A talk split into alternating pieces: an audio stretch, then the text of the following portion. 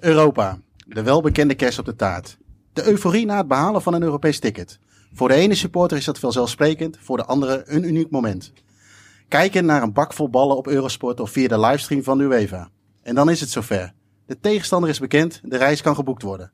Wij gaan Europa in. In deze serie van de podcast van Staantribune gaan we op zoek naar de mooie verhalen van supporters op hun Europese away days. In deze aflevering zijn we te gast in Groningen en wel bij de plaatselijke trots FC Groningen. Um, ja, heren, goedenavond. Um, ja, eigenlijk wordt het een beetje traditie, merk ik bij ons, dat we op de, bij de club uitgenodigd worden, wat, uh, waarvoor dank alvast. Maar ik zit hier in het uh, supportershome. Uh, ik krijg heel even John aan. Uh, John, John de Jonge, um, wat kun je over het supportershome vertellen? Of de locatie waar we zitten? Nou ja, het supportershome zit hier vanaf het begin van de opening van het, de Euroborg, 2005. Dus het is al een tijdje, 6, oh ja, 6 januari was het hè. Dus het zit hier al een tijdje. Uh, nou, het is uh, vrij toegankelijk voor de wedstrijd voor iedereen en na de wedstrijd voor onze leden. En dan zit het hier stampvol. Ja. Nou, je merkte net al dat je nog plakt aan de vloer soms. uh, dus het is hier wel een aardig feestje, ondanks dat onze prestaties op het moment niet zo goed zijn. Ja. Maar, ja, het is een geweldig home. We krijgen er ook nog een leuke ruimte bij. Dus, uh, ja, en plakken op de vloer doet het op, ook op andere locaties toch wel, toch? Niet alleen in de sport? Nee, maar hier is het nog wel graag van de, van de bier. Uh, dat schijnt die schoongemaakt te zijn, okay. laat ik het zo zeggen. Uh, laten we voordat we verder gaan even een kort rondje maken. Ik zit hier met vijf heren aan tafel. En dat met die plakkende vloer en mijn opmerking van net kan dat ook weer wederom dubieus zijn. Maar dat is het niet. We zitten echt in de supporterzone. laat ik even met de, met de klok meegaan. Arnold, Arnold Bloem. Zou je even kort willen voorstellen wie je bent en wat Groningen voor jou is? Ja, Arnold Bloem. ondertussen ja, alweer begin 50. En vanaf 89 eigenlijk Groningen meer dan fanatiek volgens natuurlijk seizoenkaart. dat is logisch. En ja, je kijkt veel in uitwedstrijden mee. En uh, af en toe ook nog een keer een gelukje om een, uh, om een wereldspeler te zien voetballen voordat hij bij je eigen club uh, speelt. Luis Suarez ooit in, in Uruguay voorbij zien komen. Ja. En hij was eerder in Groningen dan ik. twee weken later tekende die bij FC Groningen. Dat was, was ook fantastisch om dat meegemaakt te hebben. Ja, want jij hebt, jij hebt hem in Uruguay zien voetballen. Ja, weergeloos. Echt waanzinnig. Was, was duidelijk te zien dat dat wereldklasse was. Ja. En een week daarvoor waren Nederland en Veldmaten daar geweest. En, die hadden ook al geconstateerd dat er een, een groeibrilliantje te vinden was. Ze gingen voor een andere speler uh, naar Uruguay. En drie weken later hadden ze een echte topper uh, binnengehaald. En zoals het zo vaak gaat. En dan gaan ze voor iemand anders en dan komen ze met iemand anders weer thuis. Dat klopt. Hoef je thuis niet te proberen overigens. uh, naast jou zit Klaas-Jan Terveen. Klaas-Jan, zou je jezelf even willen voorstellen? Ja, Klaas-Jan. Ik ben supporter van FC Groningen sinds eind jaren 90. Ik ben supporter geworden in de tijd dat wij degradeerden naar de eerste divisie. Echte? Uh, toen kwam ik mijn, uh, toen uh, kocht ik mijn eerste seizoenkaart op maandagavond tegen Toppels en Veendam in het Oosterparkstadion. En um, ik ben vooral liefhebber van uitwedstrijden. Ik zit voor de supportersvereniging, hè, waar, we, waar jij nu ook te gast bent, in de commissie wedstrijdzaken. En samen met John en, en Peter van Dijken bemoeien wij ons tegen uitwedstrijdenbeleid aan, supportersbeleid. Ja. En uh, ik denk dat wij daar in Nederland, uh, uh, maar als andere supporters deze podcast luisteren, dan wil ik ze ook graag verzoeken om contact met ons op te nemen. Vrij uniek daarin zijn. Ja. Want wij zitten bijvoorbeeld ook bij ieder overleg met de lokale driehoek. Ja, nou, um, ik heb een keer met Peter gesproken voor een andere podcast vanaf de tribune. En die heeft het toen inderdaad mooi uitgelegd. Ik, ik weet overigens niet of die aflevering nog te luisteren is. Maar jullie zijn daar best wel vooruitstrevend in. Dat je ook vanuit de, ja, de positieve kant van de supporter uitgaat, zeg maar. Hè? Ja, wij vinden dat eigenlijk een norm. Uh, jij noemt het vooruitstrevend. Uh, voor ons is het eigenlijk de normaalste zaak van de wereld dat wij samen met de club hierover sparren en ze daar advies in geven. Okay. Niet alleen samen met, uh, met de club. We hebben zelfs uh, gelobbyd destijds in, in Den Haag jaren geleden voor het aanscherpen van de voetbalwet. Om gewoon echte hooligans weg te houden bij het voetbal. En daarvoor hebben we gewoon gesprekken gehad uh, op dat moment met uh, Klaas Dijkhoff, Tjeerd van Dekken, uh, Tweede Kamerlid destijds. Heeft er ook nog in het bestuur gezeten van de supportersvereniging Ja. trouwens.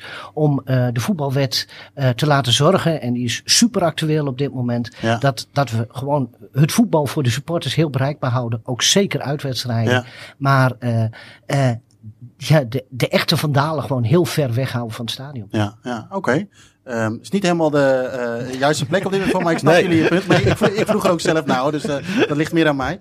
Uh, John, even een korte introductie nog. Je hebt net al natuurlijk even een beetje verteld. Ja, nou ja voorzitter van de supportersvereniging FC Groningen supporter sinds 1986. Toen kwam ik hier studeren in de stad. En het was op een mooie woensdagavond dat ik dacht, hé, hey, er is vanavond Groningen Galway United voor de UEFA Cup. En Ja. Daar ben ik heen gefietst. Nou, en toen langzaam in dat, nou ja, als je het Oosterpark kent, weet je wat ik bedoel.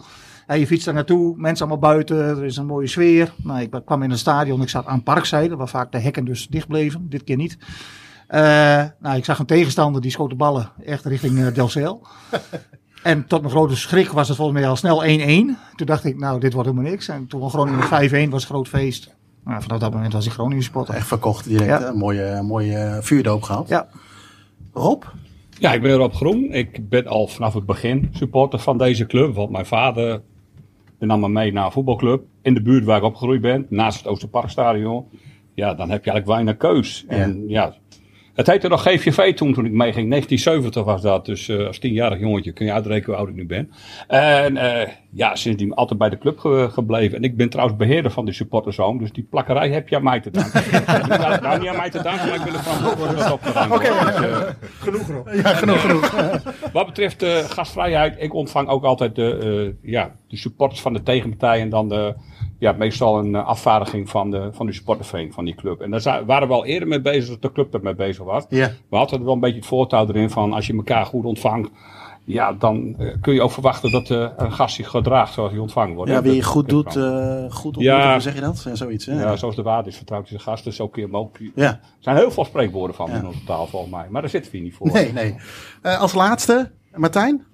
Zou jij nog even Ehm, kort willen voorstellen? Ik ja. zie eh, een mooie voorbereiding hier eh, voor, op tafel liggen. Maar Klopt, ik weet eh, me goed voor te bereiden. In eh, tegenstelling van de rest. Ehm, Succes. inderdaad, eh, Martijn, Martijn Schokkenbroek, 49 jaar. Nog steeds, over drie uur verjaar ik. oh, kijk. We moeten Ehm, nog even blijven hangen hier dus. Inderdaad, ja, als het aan mij ligt wel, geen probleem. Eh, supporter sinds 86, ook een seizoenkaart sinds 86. Eh thuiswedstrijden ga ik altijd heen. Blijf gewoon tot en met eh de blessuretijd, eerder weg en dergelijke. Dus competitie, eh, beker, dat, eh, dat volg ik allemaal. Ja. En af en toe natuurlijk eh, de uitwedstrijdjes, tenminste de Europese uitwedstrijdjes meepikken voor zover het kan. Ja, want eh, daarvoor zitten we hier uiteraard. Hè. Ehm, Europese uitwedstrijden eh, voor jullie.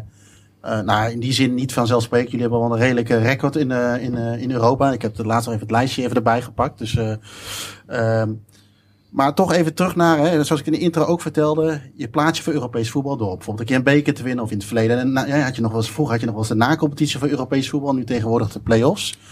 Ehm, eh, Arnold, hoe, hoe, hoe volg jij zoiets? Of eh, is het voor jullie nog ehm, eh, bijzonder dat je, ja, klinkt misschien een beetje gek die vraag, maar is het voor jullie nog bijzonder om Europees voetbal te halen? Nou, de laatste jaren eh, worden we wat minder bedeeld met bij Europees voetbal. Dus dan is het eh, nog zeker een verrassing als, als we ons Europees weten te plaatsen. Dus ja, ja vroeger waren we er ook mee bezig en vonden we het ook vooral fantastisch. Ja, de reisjes eromheen en, en de bezoeken. Ja, fantastisch. Dus eh, nee, dat blijft leven. Dus we zitten niet standaard in de subtop en, en weten het binnen te halen. Het is trouwens wel leuk om eens een keer te zien eh, dat op een gegeven moment je ook 16e of 17e of 12e kunt worden in de competitie. En gewoon de na-competitie kon winnen Ja. en Europees eh, kon gaan Ja. voetballen. En dan ook nog niet verkeerd doen. Of je moet gewoon een fair play competitie winnen, net zoals Go Ahead. En dan zit je ook Ja, ineens klopt. in Europa. je hoeft helemaal niet te presteren, je moet gewoon netjes doen. Daarom, dus het is eh, piek op het juiste moment. Dat hebben we onder Ron Jans wel een paar keer gedaan. En, en dan kun je onverwachts ineens Europees halen. ja, en dat zijn de mooiste momenten. En natuurlijk de kortste route naar Europa is natuurlijk altijd is de beker winnen. Klaas-Jan, als jij kijkt naar jouw eigen ervaring, eh, Groningen Europees, eh, je komt in die ballenbak terecht. Zit Ja. je dan eh, voor de televisie of denk je, ik Nee. lees het later wel? Nee, dan zit ik achter de computer. En niet achter de televisie. Want zo gauw duidelijk is waar wij tegen kunnen loten. we maken eerst, nou, ik kan je wel vertellen hoe dat, hoe dat ging bijvoorbeeld bij Fiorentina uit. Zo hadden we volgens mij vijf potentiële tegenstanders. En we hadden van alle tegenstanders hadden wij al alle vliegtickets opgezocht. alle treintickets, alle routes. Ja. eh, hotels hadden we klaarstaan. Dat op het moment dat eh, de club uit de koken zou rollen. Dat we ook alle minuut konden boeken met, eh, nou weet ik veel, 10 of 20 of 30 man. Dus nee, niet onderuitgezakt voor de televisie. Maar onderuit, of, of, of rechtop achter de laptop. En heel veel voorwerk dus. Want, Heel veel voorwerk. want naast Fiorentina, wie konden jullie, weet je dan nog wie je toen nog kon loten? Of een paar daarvan? Oh, dat zou ik moeten weten. Iets in Spanje volgens mij. Ja, we hadden sowieso een Spaanse club Ja, erbij. Ja, Espanyol? mij Sociedad of Espanyol. Ja. Ja. Oké. Ja, nee, de, ik, exact weet ik het niet meer. Maar ik weet wel dat toen Fiorentina daaruit rolde. dat dat wel eh, voor iedereen groot feest was. Want het is natuurlijk een zeer aansprekende tegenstander in een 100%. geweldige stad. Ja. In een geweldig land. Ja. En het viel ook nog in de herfstvakantie, kan ik mij herinneren. Die wedstrijd, begin oktober. Eh, dus er konden heel veel supporters eh, konden afreizen. En er was ook, waren ook veel tickets beschikbaar. Ja. Ja, dat was een eh, behoorlijke volksverhuizing, John. Ik heb eh, tickets gekocht voor 1 cent. Van Bremen naar Milaan. En daar gewoon een busje gehuurd. Oh ja. We hebben met negen man hadden we voor 1 cent. Plus wat administratiekosten hadden Ja. we tickets. Laat Greta het maar niet horen. Die filmt je Ja, die gek. denk Die ik. wordt gek, ja. Maar mijn volpret gaat nog een stapje eerder. Je hebt, iedereen heeft in Europa favoriete clubs, favoriete steden. En dan komt er voorbij, je denkt van, nou ja, ik heb bepaalde clubs. Hé, hey, als we die nou loten, dat zou mooi zijn. Eh een van mijn favoriete clubs is Hibernian uit Edinburgh. En toen hadden we op Aberdeen. Dacht van, yes, dat is wat ik wil. Dan Ja, heb je ja. een combinatie van, van meerdere dingen. En ja, Florence was ook zoiets. Italië, mijn favoriete land. Ja, mooi. En Florence, geweldige stad. Dat is een geweldig uitje. Ja, eh, ik heb het ook wel eens gehad met steden van, nou, dat heb ik liever niet. Marseille, Belgrado, dat waren op dat moment niet steden waar je graag heen gaat. nee. En ja, ik ben toch in Belgrado geweest. Het is een ervaring geweest die ik nooit vergeet. Dus eh nee, die voorpret bij mij altijd een stapje eerder. En daarna is het inderdaad gaan, eh, wat gaan we boeken? En met wie ga je boeken? En kun je met z'n allen in een vliegtuig, een bus of wat er ook, Ja, een auto. Ja. Ja, en dan begint het, eh, het feest gewoon. Eh. ja, dat is eigenlijk de voorpret. Net als een vakantie. Ja. Het valt mij mooier als er, eh, de vakantie soms zelf. Ja. Het is niet altijd voorpret, het is soms ook eh, het thuisbrengen. Eh, zo was de wedstrijd in, eh, in Aberdeen was wel heel erg grappig. We waren drie dagen op vakantie in, eh, in Hongarije. En eh, ik zei al tegen mevrouw van, goh, ja, ik, eh, ik vlieg weer even. En eh, eh, de goedkoopste ticket op, op Edinburgh, om natuurlijk naar onze vrienden van Hibernian, om daarmee naar, eh, naar Aberdeen af te reizen. Ja. Dus drie dagen in, in Hongarije, daarna vlieg je. Goedkoopste ticket was via Amsterdam. En dan ga je dus eh, via Amsterdam ga je, eh, ga je vanuit eh Boedapest naar, naar Edinburgh. En dan lekker in een busje met je vrienden van, van Hibernian op weg naar Aberdeen om een wedstrijd te zien. En vervolgens ga je weer op de terugweg keurig naar Edinburgh. Vliegtuigje in. Amsterdam, vertraging oplopen van drie uur. Daarmee trouwens de kosten weer van de hele vliegreis eh, terugverdienend.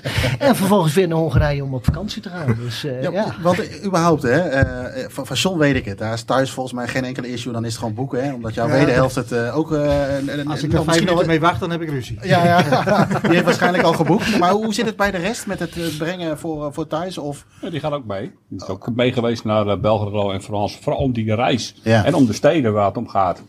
En het heeft ook een voordeel. eh, je gaat vaak als toerist in een stad waar je ook als hooligan gezien kan worden. Of niet, Klaas-Jan? Je hebt ook iets meegemaakt in, in eh, Belgrado. En eh, ja, dat hebben wij niet meegemaakt. Omdat wij gewoon met vrienden en mannen en vrouwen als een clubje de stad in gingen. Ja. En zij gingen echt als Ja. voetbalsupporters de stad Ik weet niet of je al naar Belgrado toe ja, wil. hoor, ga, je gang. Ja.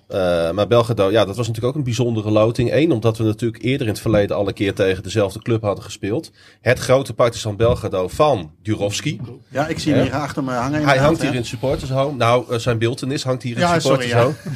En, eh, Plakkende vloer weer, hè. Dan krijg je dat weer. Oh, daarom plakt het zo. en, eh, maar eh, dat de, iedere, eh, iedere voetbalsupporter in Nederland die Europees voetbal heeft meegemaakt, zal ook dit herkennen. Je moet vrij snel de boel voor elkaar zien te krijgen.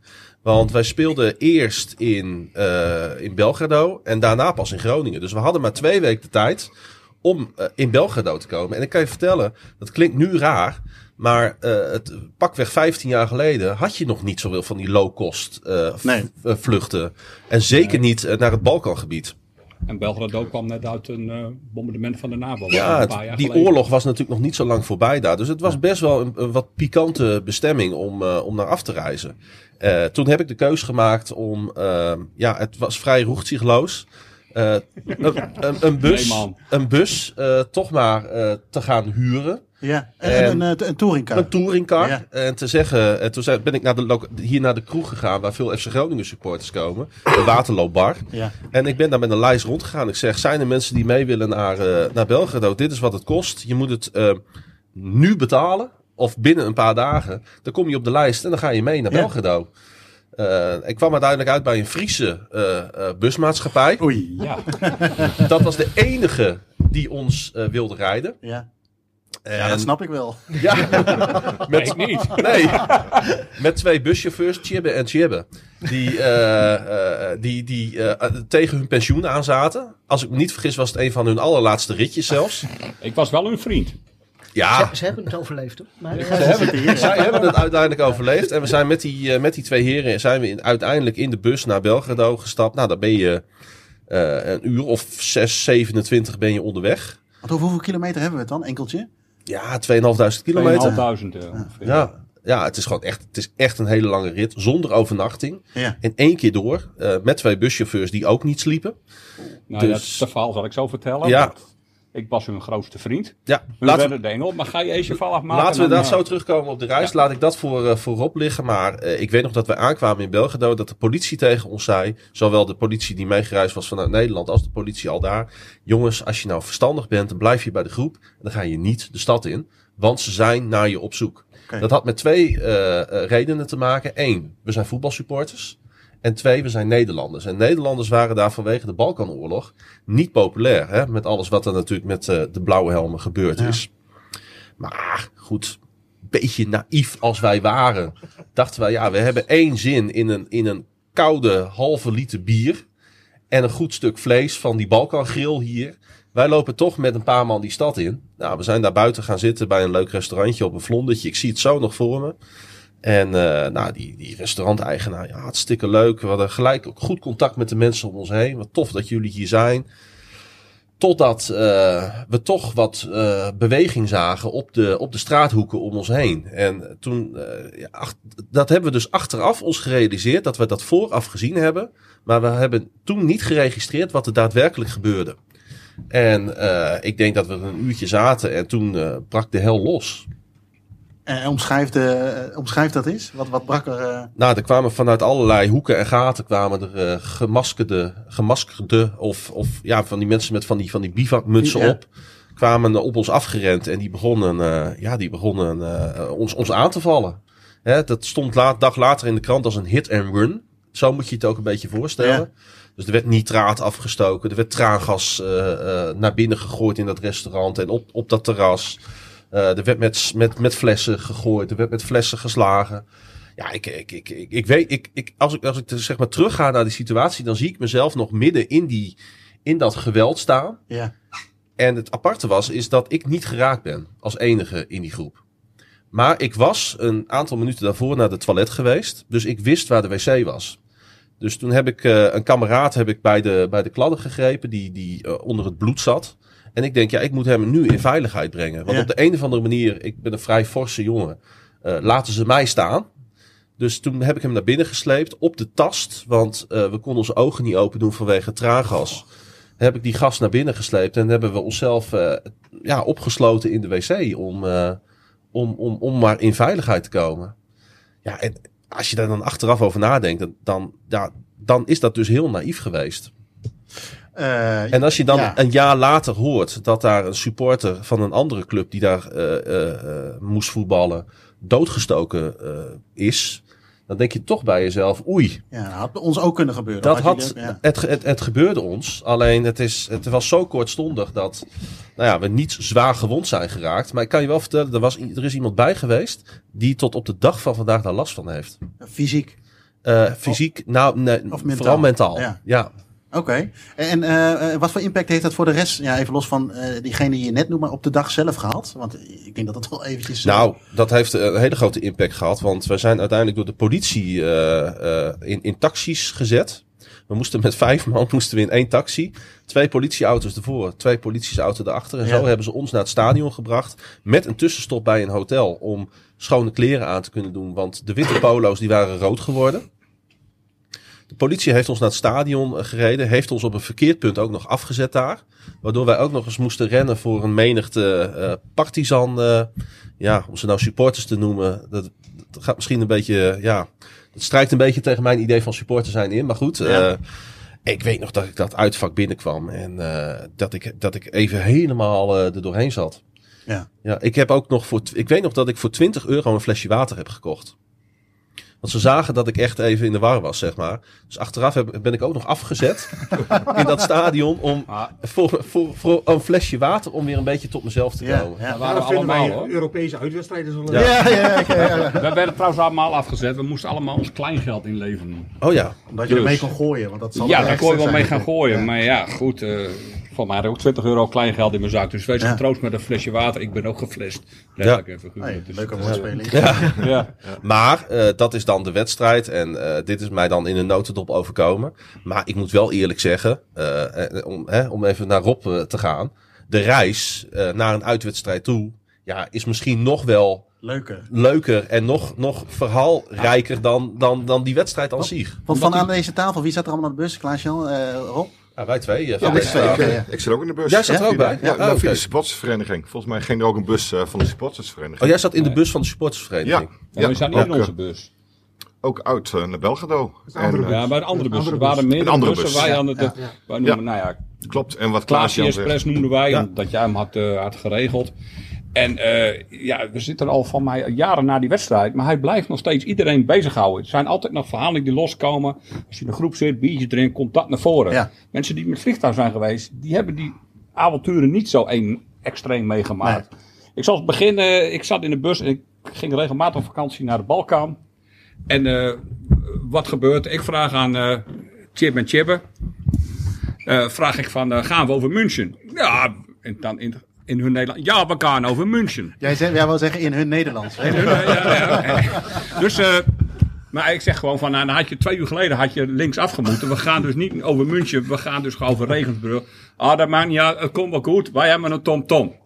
Nou ja, dan komen we bij de Sloveense grens, of de, Slo eh, de Oostenrijk-Sloveense grens. En ik zie die tom-tom blauw worden. Oftewel, het kaartje, destijds had je tom-tom met kaartjes, Ja, ja, die was niet geladen. En eh ja, kun je hem even voorin komen? Dat is gewoon Fries van, kan je even voorin komen? Dus ik kom voorin. Jij spreekt wel goed Fries. eh. ik spreek, al, ik spreek alle talen. Eh, ik ben geschokt. ik, eh, ja, goed, wees blij, als had je niet gezegd. Had je trouwens ook dat niet meegemaakt van zo net eh, in, die, in die kroeg. Dus, Ga door, eh, het is je vergeven. Oké. Dus eh zij vraagt mij, weet jij de weg hier? Nou ja, goed, dat is te veel gevraagd. Ik kom hier wel eens en ik heb wel in mijn hoofd hoe het kaartje eruit ziet. Nou ja, kun je me ons even helpen? Dus er komt zo'n kaart komt tevoorschijn. Zo'n ouderwetse kaart, weet je nog vroeger. Ja, ja, Daar ja. kijken je ouders ook op. Nee, dan moeten we daar langs zitten. Nou, vroeg hij aan mij, is dat de grens? Nee, dat is de vouw in de kaart. Dus daar moeten we zijn. En waar zijn we? Ja, dan moet je even de borden kijken. Dan zoek je dat kaartje op. En zo heb ik ze de weg gewezen. Toen kwamen we eindelijk in Belgrado eh, kwamen terecht. Nou ja, dat verhaal, dat blijft nog steeds rondspelen. Van de, ja, zet je twee Vriezen. Hoe had je het doen, kunnen doen, Klaas? Ja, twee Vriezen met Groningers op een, eh, op een bus. Dat gaat geit mis. Ja. Eén chauffeur moet rijden en de ander slaapt. Hè? Dat is normaal. Want deze zaten gewoon met z'n tweeën voor in die bus te turen. Van waar moeten we langs? En ik lag lekker te slapen op de slaapplek van de chauffeur. Dat heeft heel veel voordelen eh, wel gehad. Maar echt, eh, toen kwamen we bij de, ja, de, de Servische grens. En toen moest die hele bus leeg. Ja. Man en vrouw apart. Dus wij hadden het over etnische zuiveringen. Heel voorzichtig. ja, zeker die tijd. Dat ja. soort grappen werden gemaakt. Maar er werd gewoon geëist. Wij, ik wil een shirt, zei die uh, douaneband. Ik wil een shirt. En wij, ja, doe normaal is corruptie. Daar werken wij niet aan mee in Nederland. Dat doen wij niet. Zeg, geef die man nou jouw shirt, zegt een van die supporters. Je krijgt van ons allemaal een tientje. Kun je drie, shirt, vier shirts uh, kun je kopen. Uiteindelijk hebben we het shirt gegeven. En we mochten doorrijden. De bus naast ons, na ons, die heeft dat geweigerd. En die heeft drie uur vastgestaan. Ja, zo werkt dat nou een keer. Ik heb Balkan ervaring, schijnt het. En uh, zo ging erop. Ja. Uh, Weet jij nog dat uh, we terugkwamen in de bus en dat uh, een behoorlijk significant deel van onze biervoorraad ook op ons weg was? Ah, Ja. Die hadden ze ook nog even meegenomen. een goede dag gehad, die douaniers. Ze, en ze kwamen die bus binnen en uh, nou, je weet allemaal, Balkan, dat, dat is vuurwerk. Ja. Dat, uh, nou, je kan split, daar komt het van oorsprong vandaan. En uh, doe je have torches. Nee, torches doen we niet aan. Wij, wij doen alleen maar pivo. Ja. En die gaan die bus in. Ja, pivo, pivo, pivo. Ja, je zit 27 uur in een bus. Ja, ja dag neem je geen fakkels mee, want daar niet, er wordt nog meer dorstig van. Dus ja. hebben, hebben waarschijnlijk ons bier ook uh, ingepikt. Er waren ook uh, ja, wat, wat, uh, wat flesjes bier weg. Ja. Aan de andere kant, de, bierprijs, de bierprijs was daar niet zo. Nee, maar het was wel allemaal Nederlands merken. Het waren wel dure Nederlandse merken met hun vergeleken. Want die avontuur wat hij heeft, of dat de avontuur wat hij heeft meegemaakt in de kroeg, bij mij averechts. Ik was met mijn vrouw en mijn vrienden hadden ook een uh, vriendin en vrouw mee. En we gaan op een terras zitten. En na drie rondjes gaat de kroeg dicht. En ik vraag zo in halfgebakken Duits wat hij ging doen. Ja, hij moest even weg, kwam zo weer. Dus hij pakte zijn fiets en fietste naar de supermarkt en kwam met drie kran bier weer terug. en ging ons weer biertjes verkopen. Dus het is een heel andere manier zoals, uh, Ja. hij het beleefd heeft. Ja. Tot we echt bij het stadion kwamen en toen brak de hel uit. uit eh, want het waren alleen maar Robocops, we, nou, we hebben ze ook in Liberec meegemaakt. maar Echt helemaal bepakt en bezakt. eh, volledige uitvoering. werden we naar het stadion begeleiden. Ja, mijn vrouw die voor het eerst mee ging naar de uitwedstrijd, had dat nog eerder meegemaakt. Ja, dat was best wel even beangstigend. Ja. Dus ik kan jouw beleving heel goed voorstellen. Wat jij hebt meegemaakt, met toch iets meer geweld om je heen. En wij zien alleen maar een hoop schreeuwende mensen. Ja. Die eh, alleen nog maar, een, wat ik dan vaak dacht, de oorlog naar hun hoofd had. ja. Want een slachtoffer meer of minder was in, daar heel normaal. Nee. En Martijn, herken jij deze verhalen van, eh, van de heren? Want jij zat in de, supports, in de bus van de supportsvereniging. Klopt, ja. Heb jij drie uur stilgestaan bij de grens? Eh, onze bus heeft ook stilgestaan inderdaad. We moesten ook eh, uit, de, uit de bus. De bagage werd eh, gecontroleerd, wat ik me kan herinneren. Ja. Werd gekeken of je wiet of andere materiaal aan boord had. Ja, we stonden volgens mij wel zeker, zeker een uur stil, anderhalf uur stil. En toen reden we inderdaad vervolgens door naar, eh, naar Belgrado. Ehm, ik en een kameraad zijn wel het centrum in geweest. Ondanks de waarschuwingen van ga niet het centrum in. Eh, laat in ieder geval niet je clubkleuren zien. Nee. Eh, nou, zelf ben ik wel nieuwsgierig en ben ook niet zo heel bang aangelegd. Ik ben zelf militair geweest en ook in 1999 in Kosovo geweest. Dus dit soort Balkanlanden ja, spreekt mij toch wel wat aan. Eh, onderweg er naartoe had ik ook wel eh, oog voor eh, de huizen en de wegen, moet ik zelf zeggen. Ja. Dus ja, het ziet er toch wel iets anders uit, uit dan, dan hier, logisch. En wat ik me nog kan herinneren is dat ik met die persoon zijn we de stad in geweest, hebben wat biertjes gedronken. We zijn nog een café inge- ingegaan, hebben daar gepraat over Milko, Milko Jurovski. Ja. Eh, die was daar eh, erg geliefd bij die bar-eigenaar, dus het was allemaal geen probleem. En vervolgens toen hadden wij haast om naar het stadion te gaan. En uiteindelijk hebben wij een taxi gehuurd. Het was zo'n limousine. Dat we, ja, verzin het maar, met een limo richting het stadion. En we hadden haast. En ik kan me herinneren dat wij aankwamen bij het stadion. En toen kwamen wij aan op een verkeerde plaats. We kwamen achter het politiecordon. Dus al die Robocop mannetjes. Ja. Dus eh, ja, er was wat eh, paniek bij die, eh, bij die mannen. Dat ja, het, het twee Hollandse jongens daar uit die taxi stapten. Dus ik kan me nog heel goed herinneren dat er inderdaad wat mannetjes richting ons kwamen met, met plastic schermen om ons te beschermen. Om richting ons, het stadion te begeleiden. Ja, en dat eh, was een ervaring. Ja. Absoluut. Maar Want dat is het wel, hè. Weet je, als je eh, eh, Champions League loopt, dan kun je naar Londen, naar Milaan. En dit- Ik zal niet zeggen dat daar niks gebeurt, hè. Maar dit zijn natuurlijk wel een beetje de kersen op de taart natuurlijk, toch? Ja. Qua, eh, wat jullie net zeiden over Florence, maar ook Belgrado. Maar je maakt ook echt kennis met andere culturen in het voetbal. Ja. Ja. Ik, ik wil trouwens wel eraan toevoegen, er zijn daar heel veel Groningen supporters geweest die daar een geweldige tijd hebben gehad. Die zijn daar een week geweest. Eh, die hebben daar gefeest op die partyboten die daar op de rivier eh, liggen bij Belgrado. Eh, geweldige contacten daaraan overgehouden. Ik denk wel wat mij is overkomen dat dat echt eh, wel de uitzondering is op de regel.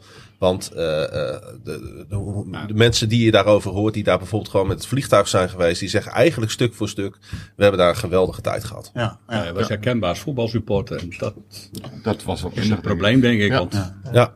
Hangt soms ook van de clubs af. Want eh, ja, wie weet kunnen we een bruggetje maken naar, naar Rood-Wijs Erfurt. Dus, eh, Ja.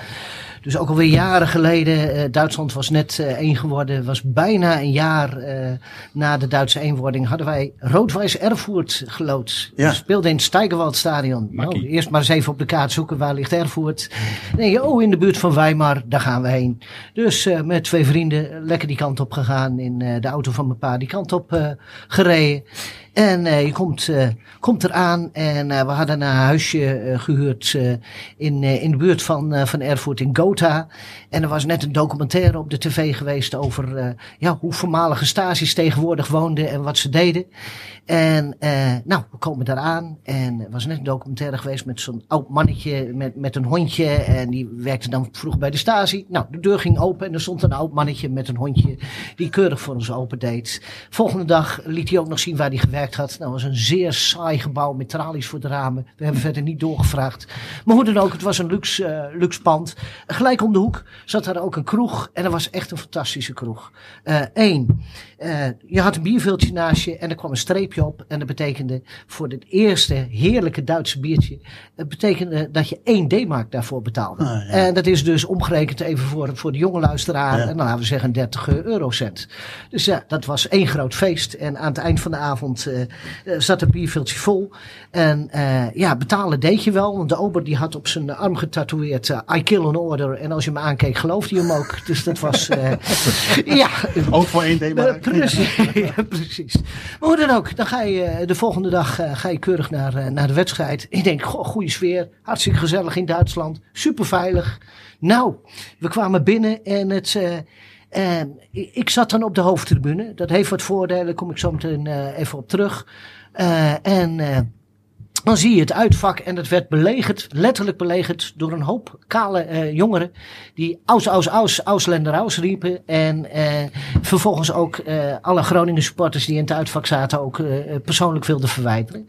Vervolgens kwamen we ook om de sfeer te verhogen wat waterkanonnen binnen enzovoort enzovoort. Er werd het één grote vechtpartij. Eh, wat boeiender was dan de wedstrijd die we trouwens eh, met 1-0 verloren. Omdat Ja, er een of andere eh, Hongaarse keeper met een, eh, met een lange maillot aan. Een beetje Distel. Distel inderdaad eh, alle ballen Ja, tegenhield. En eh, we uitgeschakeld werden. De. Maar hoe dan ook, de sfeer was gewoon grimmig in het stadion. Meer dan grimmig. En dan denk je, god, dan zit je veilig op de hoofdtribune. Dat dacht ik ook tot en met de pauze. Ik zag ook nog elf bloedmooie vrouwen op een rijtje zitten. Dat was, eh daar waren de spelersvrouwen van FC Groningen trouwens. Dus eh, hartstikke leuk. Hans Nijland zat ernaast. Of ertussen geloof ik. Maar dat is een ander verhaal. Logisch. Maar, Of op. hoe dan ook. Hoe dan ook. Dan denk je veilig te zitten op de hoofdtribune. Maar vervolgens had men ook ontdekt dat er ook wat eh, Groningen supporters op de hoofdtribune zaten. En eh, werd ook vervolgens, werd het, eh, de zijkant van de hoofdtribune werd ook belaagd. Vervolgens ook met waterkanonnen daar nog keurig op Ja. ingezet. En, eh, en we zijn tot het einde gebleven, maar echt veilig voelden we ons alles behalve. Nee, snap ik. en eh, de skinnies eh, kwamen keurig op ons af. En na de wedstrijd, sjaaltje en eh, cap die ik hier bij me heb, had ik toen ook al om. keurig weggestopt. Ja. En vooral heel erg Duits sprekend als je wat zei. Richting auto met Nederlands nummerbord. Waarvan ik denk, nou, ik hoop dat de auto heel is. Nou, de auto was heel. Ja. En vervolgens rij je vol gas zo snel mogelijk weg. En een kilometer buiten Erfurt. Ja hoor, auto begeeft het. Oh. Versnellingspak naar de Galamiezen. Ja. Nou, file om ons heen, maar die lost op een gegeven moment op. Dan sta je wel eh, heel erg gevaarlijk daar op een Duitse autobaan waar iedereen wil karren. En dan sta je met pech met je alarmlichten uit. Nou, gelukkig eh, was Vlijk dicht, eh, dicht in de buurt was een tankstellen. En eh, daar keurig ontvangen. Ik nog naar de ADAC vragen. ADAC, wat is dat? ADAC. Oh, ze brauchen Hilfe. Nee, Oké, toen werden we weggesleept. Ja. En eh, na twee uur stonden we keurig afgesleept eh, met de auto weer eh, in Erfurt. Met het Nederlandse nummerbord. ja. En eh, moesten we daar een overnachting regelen. Uiteindelijk zijn we nog drie dagen langer eh, daar geweest. Omdat we met de skinnies mee konden vieren dat de Duitse eenwording exact één jaar geleden was. Oké. Dus, Dus, eerst eh, word je aangevallen en daarna kun je... dat klopt, dat klopt. Ja, ben je, ben je weer vrienden. Ja. Ze hadden gewonnen enzovoort. Dus eh, Ik hoor overigens nu twee verhalen dat jullie aangevallen worden. Ligt het niet aan Groningen zelf? Ja, absoluut. Oké, ja. Ja.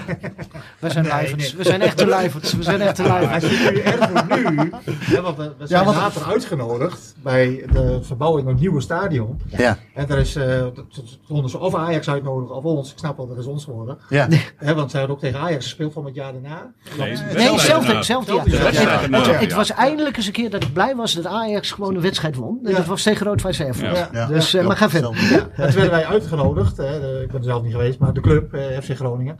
En daar is een vriendschap uit ontstaan en die is er nog steeds. Ja. Er is nog steeds een uitwisseling eh, van de ultras van Erfurt met de ultras van FC Groningen. Ja, ja, Zij ja. komen af en toe hier, eh, af en toe gaan de ultras van ons daarheen. Dus uiteindelijk is dat een hele grote vriends- vriendschapsband geweest. eh. Ja, Maar nee, wat- je hebt het over de begin jaren 90. eh, we hadden het net al even over een TomTom die niet volledig geladen is. Kijk, nu lood je, eh, nou, noem maar wat, eh Villarreal. Je pakt Google Maps erbij, je pakt eh, eh, eh, Booking.com. Hoe was dat toen? Eh, toen, toen was het inderdaad op de kaart kijken wat was de kortste route. En dat was bij Bielefeld in de file. En daar waren ze bezig om, eh, om, om met een weg bezig te gaan die in de buurt kwam van, eh, van een snelweg. Ja. En de snelweg bij Erfurt had nog geen vluchtstrook. Had hij dat maar gehad, dan was het iets veiliger geweest. Ja. Maar ja, de, er zaten nog gaten in de weg en dat was ook wel leuk. Je blijft nog wat langer in, in Erfurt. En toen hadden we ook iemand die had net zijn terband eh, eh, omgeruild in een Opel Kadett. En de volgende dag vroeg hij heel trots van, goh, rij je even met ons mee? Nou, ik heb nog nooit vrienden zo wit in de auto zien wegtrekken. Want hij dacht dat hij een Porsche had in plaats van weet ik veel wat. Dus dat was eh vroom vroom. En eh, in plaats met zijn terbandje met zijn Opel Kadett inhalen op de meest gekke plekken. Ja. Nou, de, twee vrienden van mij niet bang uitgevallen. Maar na een paar kilometer zeiden ze van, eh, we lopen wel verder. Kunt u ons uitze- eh, afzetten? Dus het was echt... eh, Arnold, weet je nog hoeveel supporters van Groningen meegingen? We speelden dat dat je al naar Europese uitwedstrijden Ja. ging met, eh, ging er met niet veel zoveel. mensen? Ging niet zoveel. Ik- Nou ik denk dat- dat het uitvak Dat heb nou je zo nou net, iets van de net 180 uitgelegd. mensen. eh, makkelijk nu een reis boeken. Ja. Dat was eh, zeker na de eerste wedstrijden die speelden we in de jaren 80. Dat was onbetaalbaar. Ja. Ook dat kon ik net nog, mijn ja. vakantiekeren betalen en dan moest ik ook nog een keer naar Madrid. Nou, dan krijg ik de thuis niet door. Dat, dat lukte gewoon niet. Nee, Maar wij zijn daar wel met eh. Madrid. eh, we hebben Atletico Madrid natuurlijk eh, Ja. 84, 83, Twee keer 83. uitgegaan. 83 83, gespeeld. Ja, Daar, daar zijn toen wel, eh, daar is wel een kolonne bussen heen gegaan. Ja, dat wel. Maar dat is Ja. heel anders dan nu. Dat is trouwens ook even leuk voor de luisteraar. Hè? Twee keer Atletico met de rit uitgeschakeld. Hè? Ik denk dat de Ajax dat eh, tegenwoordig niet eens nog eh, zou lukken. Dus dat is eh, toch even... Nee, nou, en dat Erfurt, mijn familie van mijn, van mijn vrouw, die komt uit Oost-Berlijn. En die heeft me toen al afgeraden. Ik vond Oost-Berlijn al behoorlijk rechts. En toen zei hij mij, nou als je naar Erfurt gaat, dan vind je ons hele land niet meer leuk. Want dat is super rechts. Want Ja. ja, Berlijn was re- redelijk westelijk georiënteerd. Hè? En je zit met de kont tegen de muur en je ziet alles. Ja. Maar daar wist ze helemaal niet wat er overkwam. En ja, dat ging het helemaal mis. Nou, Arnold heeft het verhaal bevestigd. Ik kan het verhaal natuurlijk al veel langer dan, eh, dan vandaag. En ik hoor van meer eh, supporters. Maar destijds een reis boeken, zeker in onbekend gebied zoals het Oostblok. Ja. Eh, De DDR, die, ja, die hield gewoon op vroeger bij de grens. En dan had je een paar uh, transitstrekken. En verder was er niks. Ja. En die waren van de kwaliteit. Nou, in Drenthe zijn de wegen door de bossen, die zijn nog beter dan de, dat de, de wegen daar op dit moment nog Ja, steeds zijn. Dus ja. Het was gewoon niet makkelijk en zeker ook niet betaalbaar. Dat, dat is één. En de sfeer in het stadion was ook een beetje een vreemde. Want het was nog inderdaad zo'n stadion met zo'n atletiekbaan eromheen. Waar je op afstand zat. ja. En, en de Ja. sfeer was koud en koel. Dat is, eh, en de wedstrijd helaas ook. Maar Ja, Eh, over eh, even blijven hangen bij, dat, eh, bij de reisboeken en dat dat toen heel anders was. Inderdaad, naar Madrid zou je nog eens een keer bussen kunnen gaan regelen hè, in die tijd. Eh eh, Martijn, jij bent, eh, als ik het goed uitspreek, bij Vatch Samsung geweest. Klopt, ja, Waarts. Vatch, sorry. Hè? En, eh, en dat was ook een beetje begin jaren negentig. Dat kan ik me ook voorstellen dat het wel eventjes uitzoeken was. Of viel dat nog wel mee? Ehm, dat viel wel mee, want eh, inderdaad, loting eh, in 92 was dat. Speelde de FC uit tegen Waarts. Nou, Ja. dat was nog voor het internettijdperk natuurlijk. Dus ik denk dat ik erachter kwam eh, via de radio dat eh, FC Groningen in Hongarije speelde. Dus ik, eh, ik was heel blij, want ik had toen een vriendin die in Hongarije woonde. Een Oké. Hongaarse. Ja, Dus ik denk van, nou, daar moet ik zo en zo bij zijn. Waarts ligt vlakbij Boedapest. En die, die meid die ik toen kon, woonde in Boedapest. Dus voor mij was het zo en zo duidelijk, ik, ik ga die kant op. Dus eh, ik heb een reisbus genomen.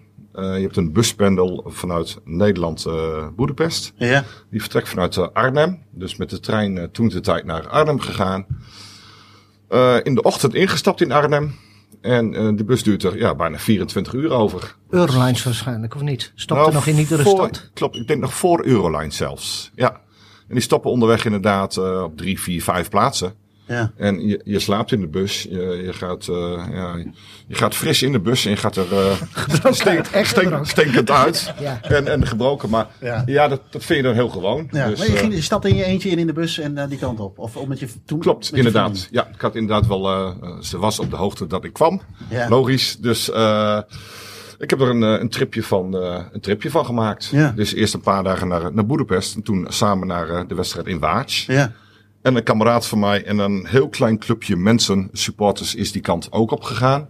hoeveel mensen moeten we dan denken? Eh, dan houdt het op bij 20. Ook echt niet meer. Oké. Ja. Dus eh, Waaronder mijn vader, die ook op vakantie in de buurt was. Oké. Kijk, gaat dat kijk dan. ja, ja, ja, dat is ideaal natuurlijk. 21. Ja. Dus het was een heel, heel klein eh, clubje, heel klein clubje Ja. mensen. En ja, dat, begin jaren 90, ja, dan ga je naar Oost-Europa. Dus eh, in, in Hongarije spraken ze toen de tijd ja, geen Engels. Kijk, mijn vriendin die sprak alleen maar Hongaars. Ja, Dus ik heb toen wel een beetje Hongaars moeten leren. En ja, Engels, en eh, dat was niet de taal. En het, was- ja, Duits eigenlijk ook niet. Oké. De Hongaren niet.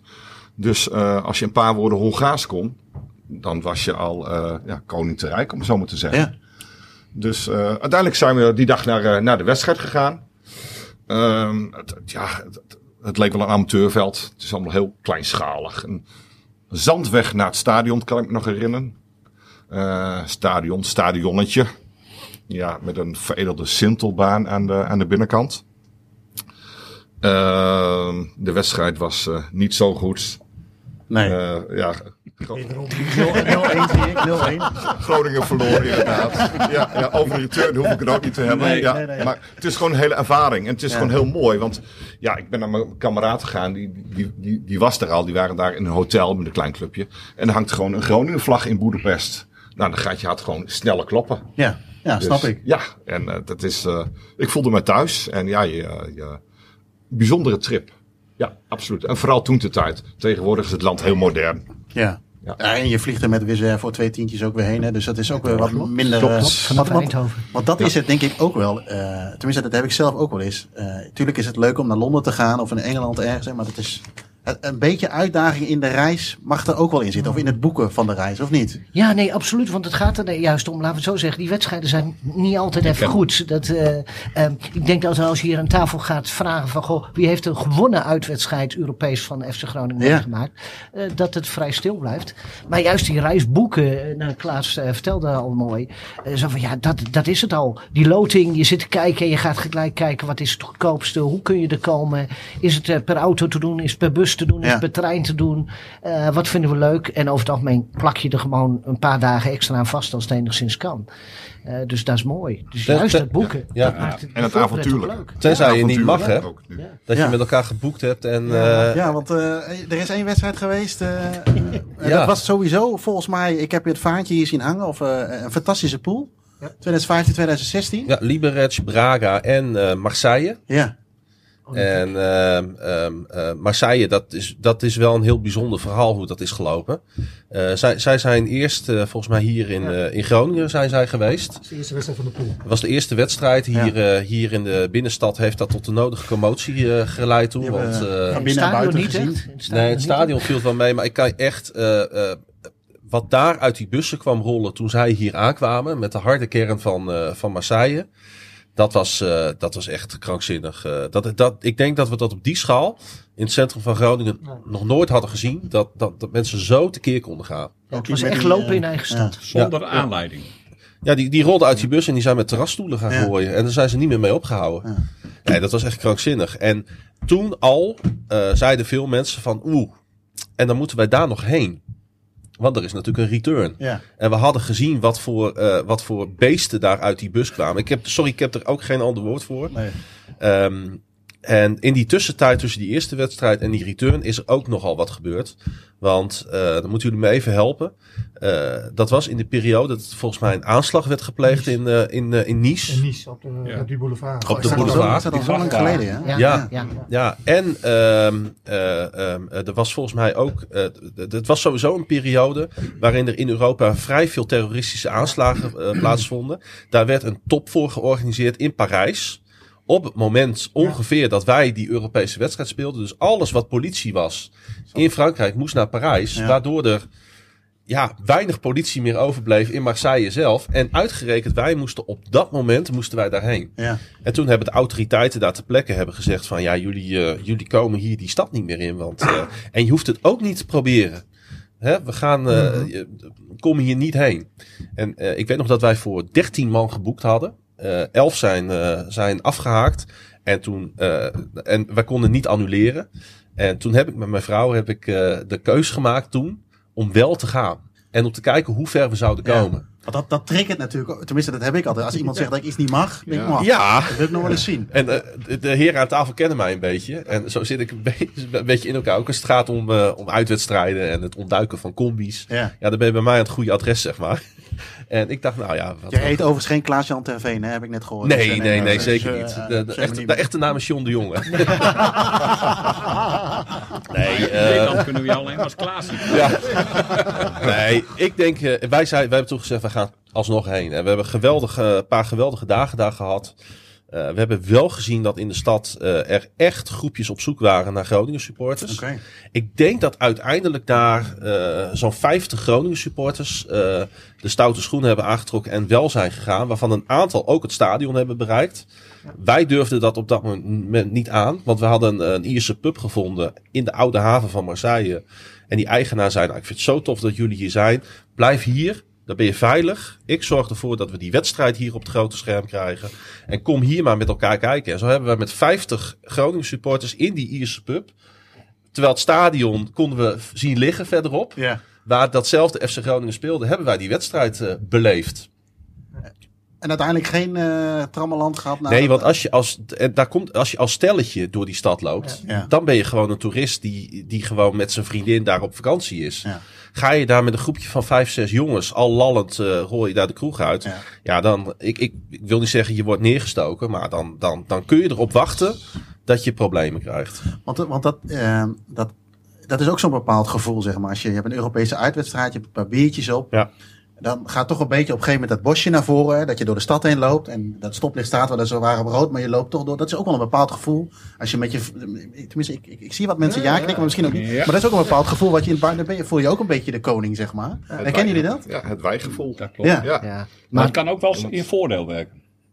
Ja, We zeker. hebben het in Florence meegemaakt. Ja, want eh, net werd het al even genoemd, Ja. eh, Fiorentina, Florence. Dat was natuurlijk ook, eh, nou, ik ik vind het een fantastische club. eh, Mooie clubkleuren. Volgens mij spelen, hebben jullie ook wel eens in hè? gespeeld, hè? Paas, ja. Hij is een droomloting natuurlijk. Ja. ja. Super. Maar ik, ik, ik ken daar, eh eh, John had me natuurlijk van tevoren een beetje geïnformeerd over de verhalen. Maar ik ken daar ook wel een verhaal over dat daar een, eh, ja, wie, wie kan dat het beste vertellen voordat ik alles weggeef? Wie wil het vertellen? Nou, In er het zijn, me- uitvak. zijn meerdere verhalen. En, en los van over hoe, een vertellen. Dus. Ja, hoe Weer een kom je überhaupt in het stadion? Ja, goh, die van mij begint heel braaf. Eh, sinds die tijd loop ik met, eh, met de bijnaam Papa Carappa rond. Dus eh, Nog één keer? Hoe, Papa Carappa. ja? Eh, ja, goed, ik vond zo'n wedstrijd. eh, ja, ik was wel nerveus op zo'n wedstrijddag. Dus om tien uur 's ochtends zit ik keurig aan, aan de ristretto met een krappaatje. En om half elf weer. En om elf uur. En een vriend naast mij, idem dito. Ja. Dat was toen nog de veiligheidscoördinator bij de KNVB trouwens, die, eh, die naast mij stond. Dus eh, ik noem maar verder geen namen erbij. Maar eh nou ja, goh, we komen richting die wedstrijd. En op een gegeven moment zitten we zo van, goh, ja, we waren ondertussen smoorbezopen en zeer gespannen. En ja, die extra ristretto's met Grappa, die begonnen hun werk te doen. Maar op een gegeven moment hadden wij de stoet richting stadion gemist. Ook de laatste bussen naar het stadion. En wij dreigden de wedstrijd te gaan missen. Nou, uiteindelijk geen taxi wilde meer voor ons stoppen. Alle taxis waren al eh, gecharterd enzovoort. Ik ben maar een pizzeria binnengelopen. En de eigenaar die ziet eh, daar twee eh, dronken mannetjes binnenkomen. Ja. En ja, vervolgens denkt hij van, goh, die moet ik zo snel mogelijk lozen. Nou, ik zeg taxi, taxi. Nou, de taxi was zo geregeld. Nou, de taxichauffeur die bracht ons in de buurt van het stadion. Kwam af en toe wat politie en hij brabbelt wat in het Italiaans. En het raampje ging open en ja, die geur van alcohol die eh, binnenkwam, die was voldoende om ons door te laten rijden. En we zijn letterlijk door de taxi bij de ingang van, van het uitvak zijn we afgeleverd. Ja. En zijn we het stadion ingegaan. Ik moet zeggen, van de eerste helft eh, heb ik wat meegekregen, moet ik zeggen. Maar daarna begon ik wat te onnuchteren, eh, Ja, moet ja, ik ja. zeggen. Maar ja, alleen al om, om het stadion te bereiken was, eh, was voor mij wel een crime. En ik denk voor, eh, voor anderen, nou, ik denk dat Rob daar ook een heel mooi verhaal over heeft. En uiteindelijk ook in het stadion. En eh, ja, fantastische sfeer. Met 2000 man waren we daar. En, Ja. en ik voelde me daar veilig. Hoewel er echt wel ook wel dingetjes gebeurd zijn Ja. die eh, wat minder door de beugel konden. Nou, van beide partijen. Dat was inderdaad gevoel. hoor. Dus, eh, Ik sliep op de hoek van de, de dom, hè, van het ple- plein. Ja, Nou, daar is, ik denk dat er geen 10 minuten zonder sirene is geweest. Goh, Wat ja. daar die nacht allemaal eh, Ja. gebeurde. Het is de hele nacht onrustig Ja. in de stad Ja. geweest. Ja. De Corteo, Corteo liep door de straten en, en je zag in de zijstraten de harde kern van Fiorentina mee rennen. En de scootertjes. Ja, ja, Ja, en de dat, soort dingen. Ja, scootertjes met verkenners. ja. Ik heb er zelf niet zoveel van gemerkt, want ik had veel te druk met bier drinken. En bier drinken kan heel duur zijn in een Florence. Eens. De eerste keer dat we op het terrasje zaten, ik had er een potje gemaakt, de man een tientje erin gedaan en ik kwam weer terug van jongens, er moet geld bij, want het kost hier 7,5 euro een, eh, een biertje. Daar zijn we snel weggegaan. Gewoon in die zijstraatjes gewoon van die blikjes gekocht, half liters voor, eh, voor nog geen 2 euro. Dus ja, en dan kreeg ik vanuit Nederland bericht van, ja, eh, heel Florence is eh, drooggelegd. Ik denk, ja, dat klopt, daar zijn we druk mee bezig. dus het is uiteindelijk wel gelukt. Ja. Ja, ik heb daar niet zoveel meegemaakt, omdat ik met de, eigenlijk met de harde kern meeliep. En je noemde het net, dat is nu een voordeel geweest. Dat je een grote groep bent, waar, waar een aantal mensen de aanhang voor laten zien. Dat ze ook hun tanden kunnen laten zien, Ja. zodat die harde kern op afstand bleef. Ja, ja, ja. En dat heb ik gezien als een, toen een groot voordeel. ja. En dan ben je echt ook wel trots hebt, dat je een club hebt die ook een harde kern heeft. Er stond heel groot in de Italiaanse kranten toen, de volgende dag, na die dag, stond er heel groot op. De gemiddelde Nederlander, groot, kaal en vol met tatoeages. Ja. Dat was het beeld Ja, dus van de Met, een, met een foto erbij van plassende FC Ja. Groningen Ja, supporters tegen de. Duoma aan. Ja. Die stond tegen de dom aan. eh, Ja. En dat mocht echt niet. Dat was het allerergste. dat is natuurlijk heiligschennis. Ja, ja, het is Eh, een beetje hetzelfde als je op de Berlijnse muur nu een eh, heel groot... eh, Ja. eh, Ja. Maar soms helpen spelers ook Europees mee om je supporters een bepaald aanzien te geven. Eh, Groningen heeft ook twee keer eh, Xamax Neuchâtel uitgeschakeld. Ja. En eh, dan had de Bliek, de, de, Duits, eh, de Zwitserse Telegraaf, laten we het zo Bild. zeggen, alleen dan iets verder. Nee, Bliek in Zwitserland, Bild in. Duitsland. Ehm, die had op een gegeven moment vlak voor de wedstrijd Rambo en daaronder een foto van John de Wolf geplaatst. Ja. Nou ja, eh, volgens mij werden we daar vrij lief ontvangen. Ja, dus ja, eh, ja, ja. toch een bepaald beeld van onze Ja, nee, eens. Hey, even terug naar eh, Florence, Fiorentina. Ehm, eh, het, overigens, ik, ik, heb, ik ben wel eens bij, een keer bij Fiorentina geweest, maar niet in het uitvak.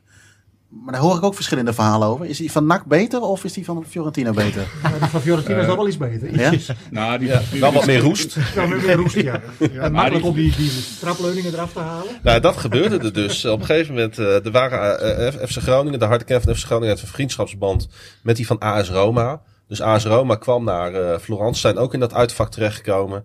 En die hebben op een gegeven moment daar een trapleuning van de tribunes afgesloopt. En die begonnen met die trapleuning, begonnen die een, een, een, een gat te maken in, in die, in die plexiwandglas tussen het uitvak en het thuisvak. Die Ja. was echt gigantisch dik. Nou, dat was behoorlijk, eh, Ja, dat moest behoorlijk kracht achter worden gezet. En ik zat daar naar te kijken, eh, vanaf ongeveer de bovenste rij waar ik stond. En ik dacht, het was heel, dat is heel surrealistisch. Dus er wordt gevoetbald, er is een geweldige sfeer in het uitvak. Ja. Maar je ziet ook een man of 10, 20, zie je opeens met een trapleuning als een soort van stormram. eh, en op een gegeven moment, Ja. wat gebeurde er? Er ontstond inderdaad een gat in dat, in die plexiwandglas. En het moment dat daar een gat ontstond, komt er zo'n Italiaanse ME'er, die komt eraan, die trekt zijn, zijn geweer. Ja. En die steekt zo door het gat, zo een, een getrokken wapen naar binnen, naar dat uitvak toe. Ja. En toen, iedereen erachteruit. Toen waren ze snel weg, kan ik je vertellen. Het werkt. Was dit het overlegmodel van jongens niet meer doen, gewoon meteen... Met eh, gevolg dat we na, na eh, verlenging en penalties ook nog twee uur in het vak hebben gezeten. Ja, heel lang. Twee, Ja. twee uur s'nachts nog Tot in twee uur s'nachts. Ja. Ja, sowieso in Italië allemaal, voor mijn gevoel, als uitsupporter wel wat strenger. Hè? Je moet tenminste je legitimeren, alles op naam en noem maar Ja. veel controles. En, eh, Ja. Ik zie hier trouwens, Martijn, jij hebt een boek voor je neus liggen. Ja. Eh, met een foto daarin ook van het uitvak. Maar wat voor boek is het? Kun je dat eens, eh, wil je dat eens omschrijven? Ehm, er is een boek van eh de Europa Cup eh, avonturen van, eh, van de FC. Ja. Het is een heel mooi boek. Het heet eh, De Europese Droom. Met FC Groningen de grens over. Eh, geschreven door eh, drie supporters die we eigenlijk allemaal eh, kennen. Nico, Bas en Bas. Ja. En het is, een, het is een heel mooi boek. Het is een heel mooi, mooi, mooi document van alle Europese wedstrijden dus. Nou, niet allemaal van mij. Hij houdt ergens. Hij houdt, bij het einde houdt hij inderdaad op. Ja, dat is met, Ja. Bij het begin begint hij. Maar, maar bij de laatste wedstrijd. Volgens Ja. mij staat de laatste drie er niet bij. Niet. Nee, inderdaad. Van die, eh, die pool met de Ja, Ja, Marseille. daarom. ja. dus Ja, dus even over de, de, die schrijvers eh, daarvan. Eh, eh, Bas Kammerga heeft jarenlang bij FC Groningen gewerkt. Was een beetje de John Frederikstad, de statisticus van. eh, die wist eigenlijk alles. Ja. Eh, Nico Zwart die heeft jarenlang eh, Trots van het Noorden website gehad. Waar de schitterendste verhalen op, eh, op Ja. terug te lezen waren. En eh, ja, Bas Dulle. Eh, die, eh, ja, die, die wist ook van alles. En die ging schreef eh, ook nee, heel veel wedstrijden mee. Schreef de. En schreef de Olle Grieze en was onder andere eh, een van de twee vrienden van mij die mee was naar Erfurt. eh. Oké. Ja, mochten er nou mensen luisteren die denken, ik wil eh, die reis die die jongens naar Belgrado hebben gemaakt eens een keer nakijken op foto's. Dan kunnen ze nog altijd terecht op trots van het noorden.nl. En dan, dan kunnen ze die Klaasie Express Ja. naar Belgrado, eh, de, kunnen, ze, kunnen ze terug bekijken via foto's. Want wat heb je er zelf nog van? Ook fo- eigen foto's, denk ik, maar ook nog Nou, andere... ja, er is een, eh, er is een naslag eh, DVD van die reis gemaakt. eh.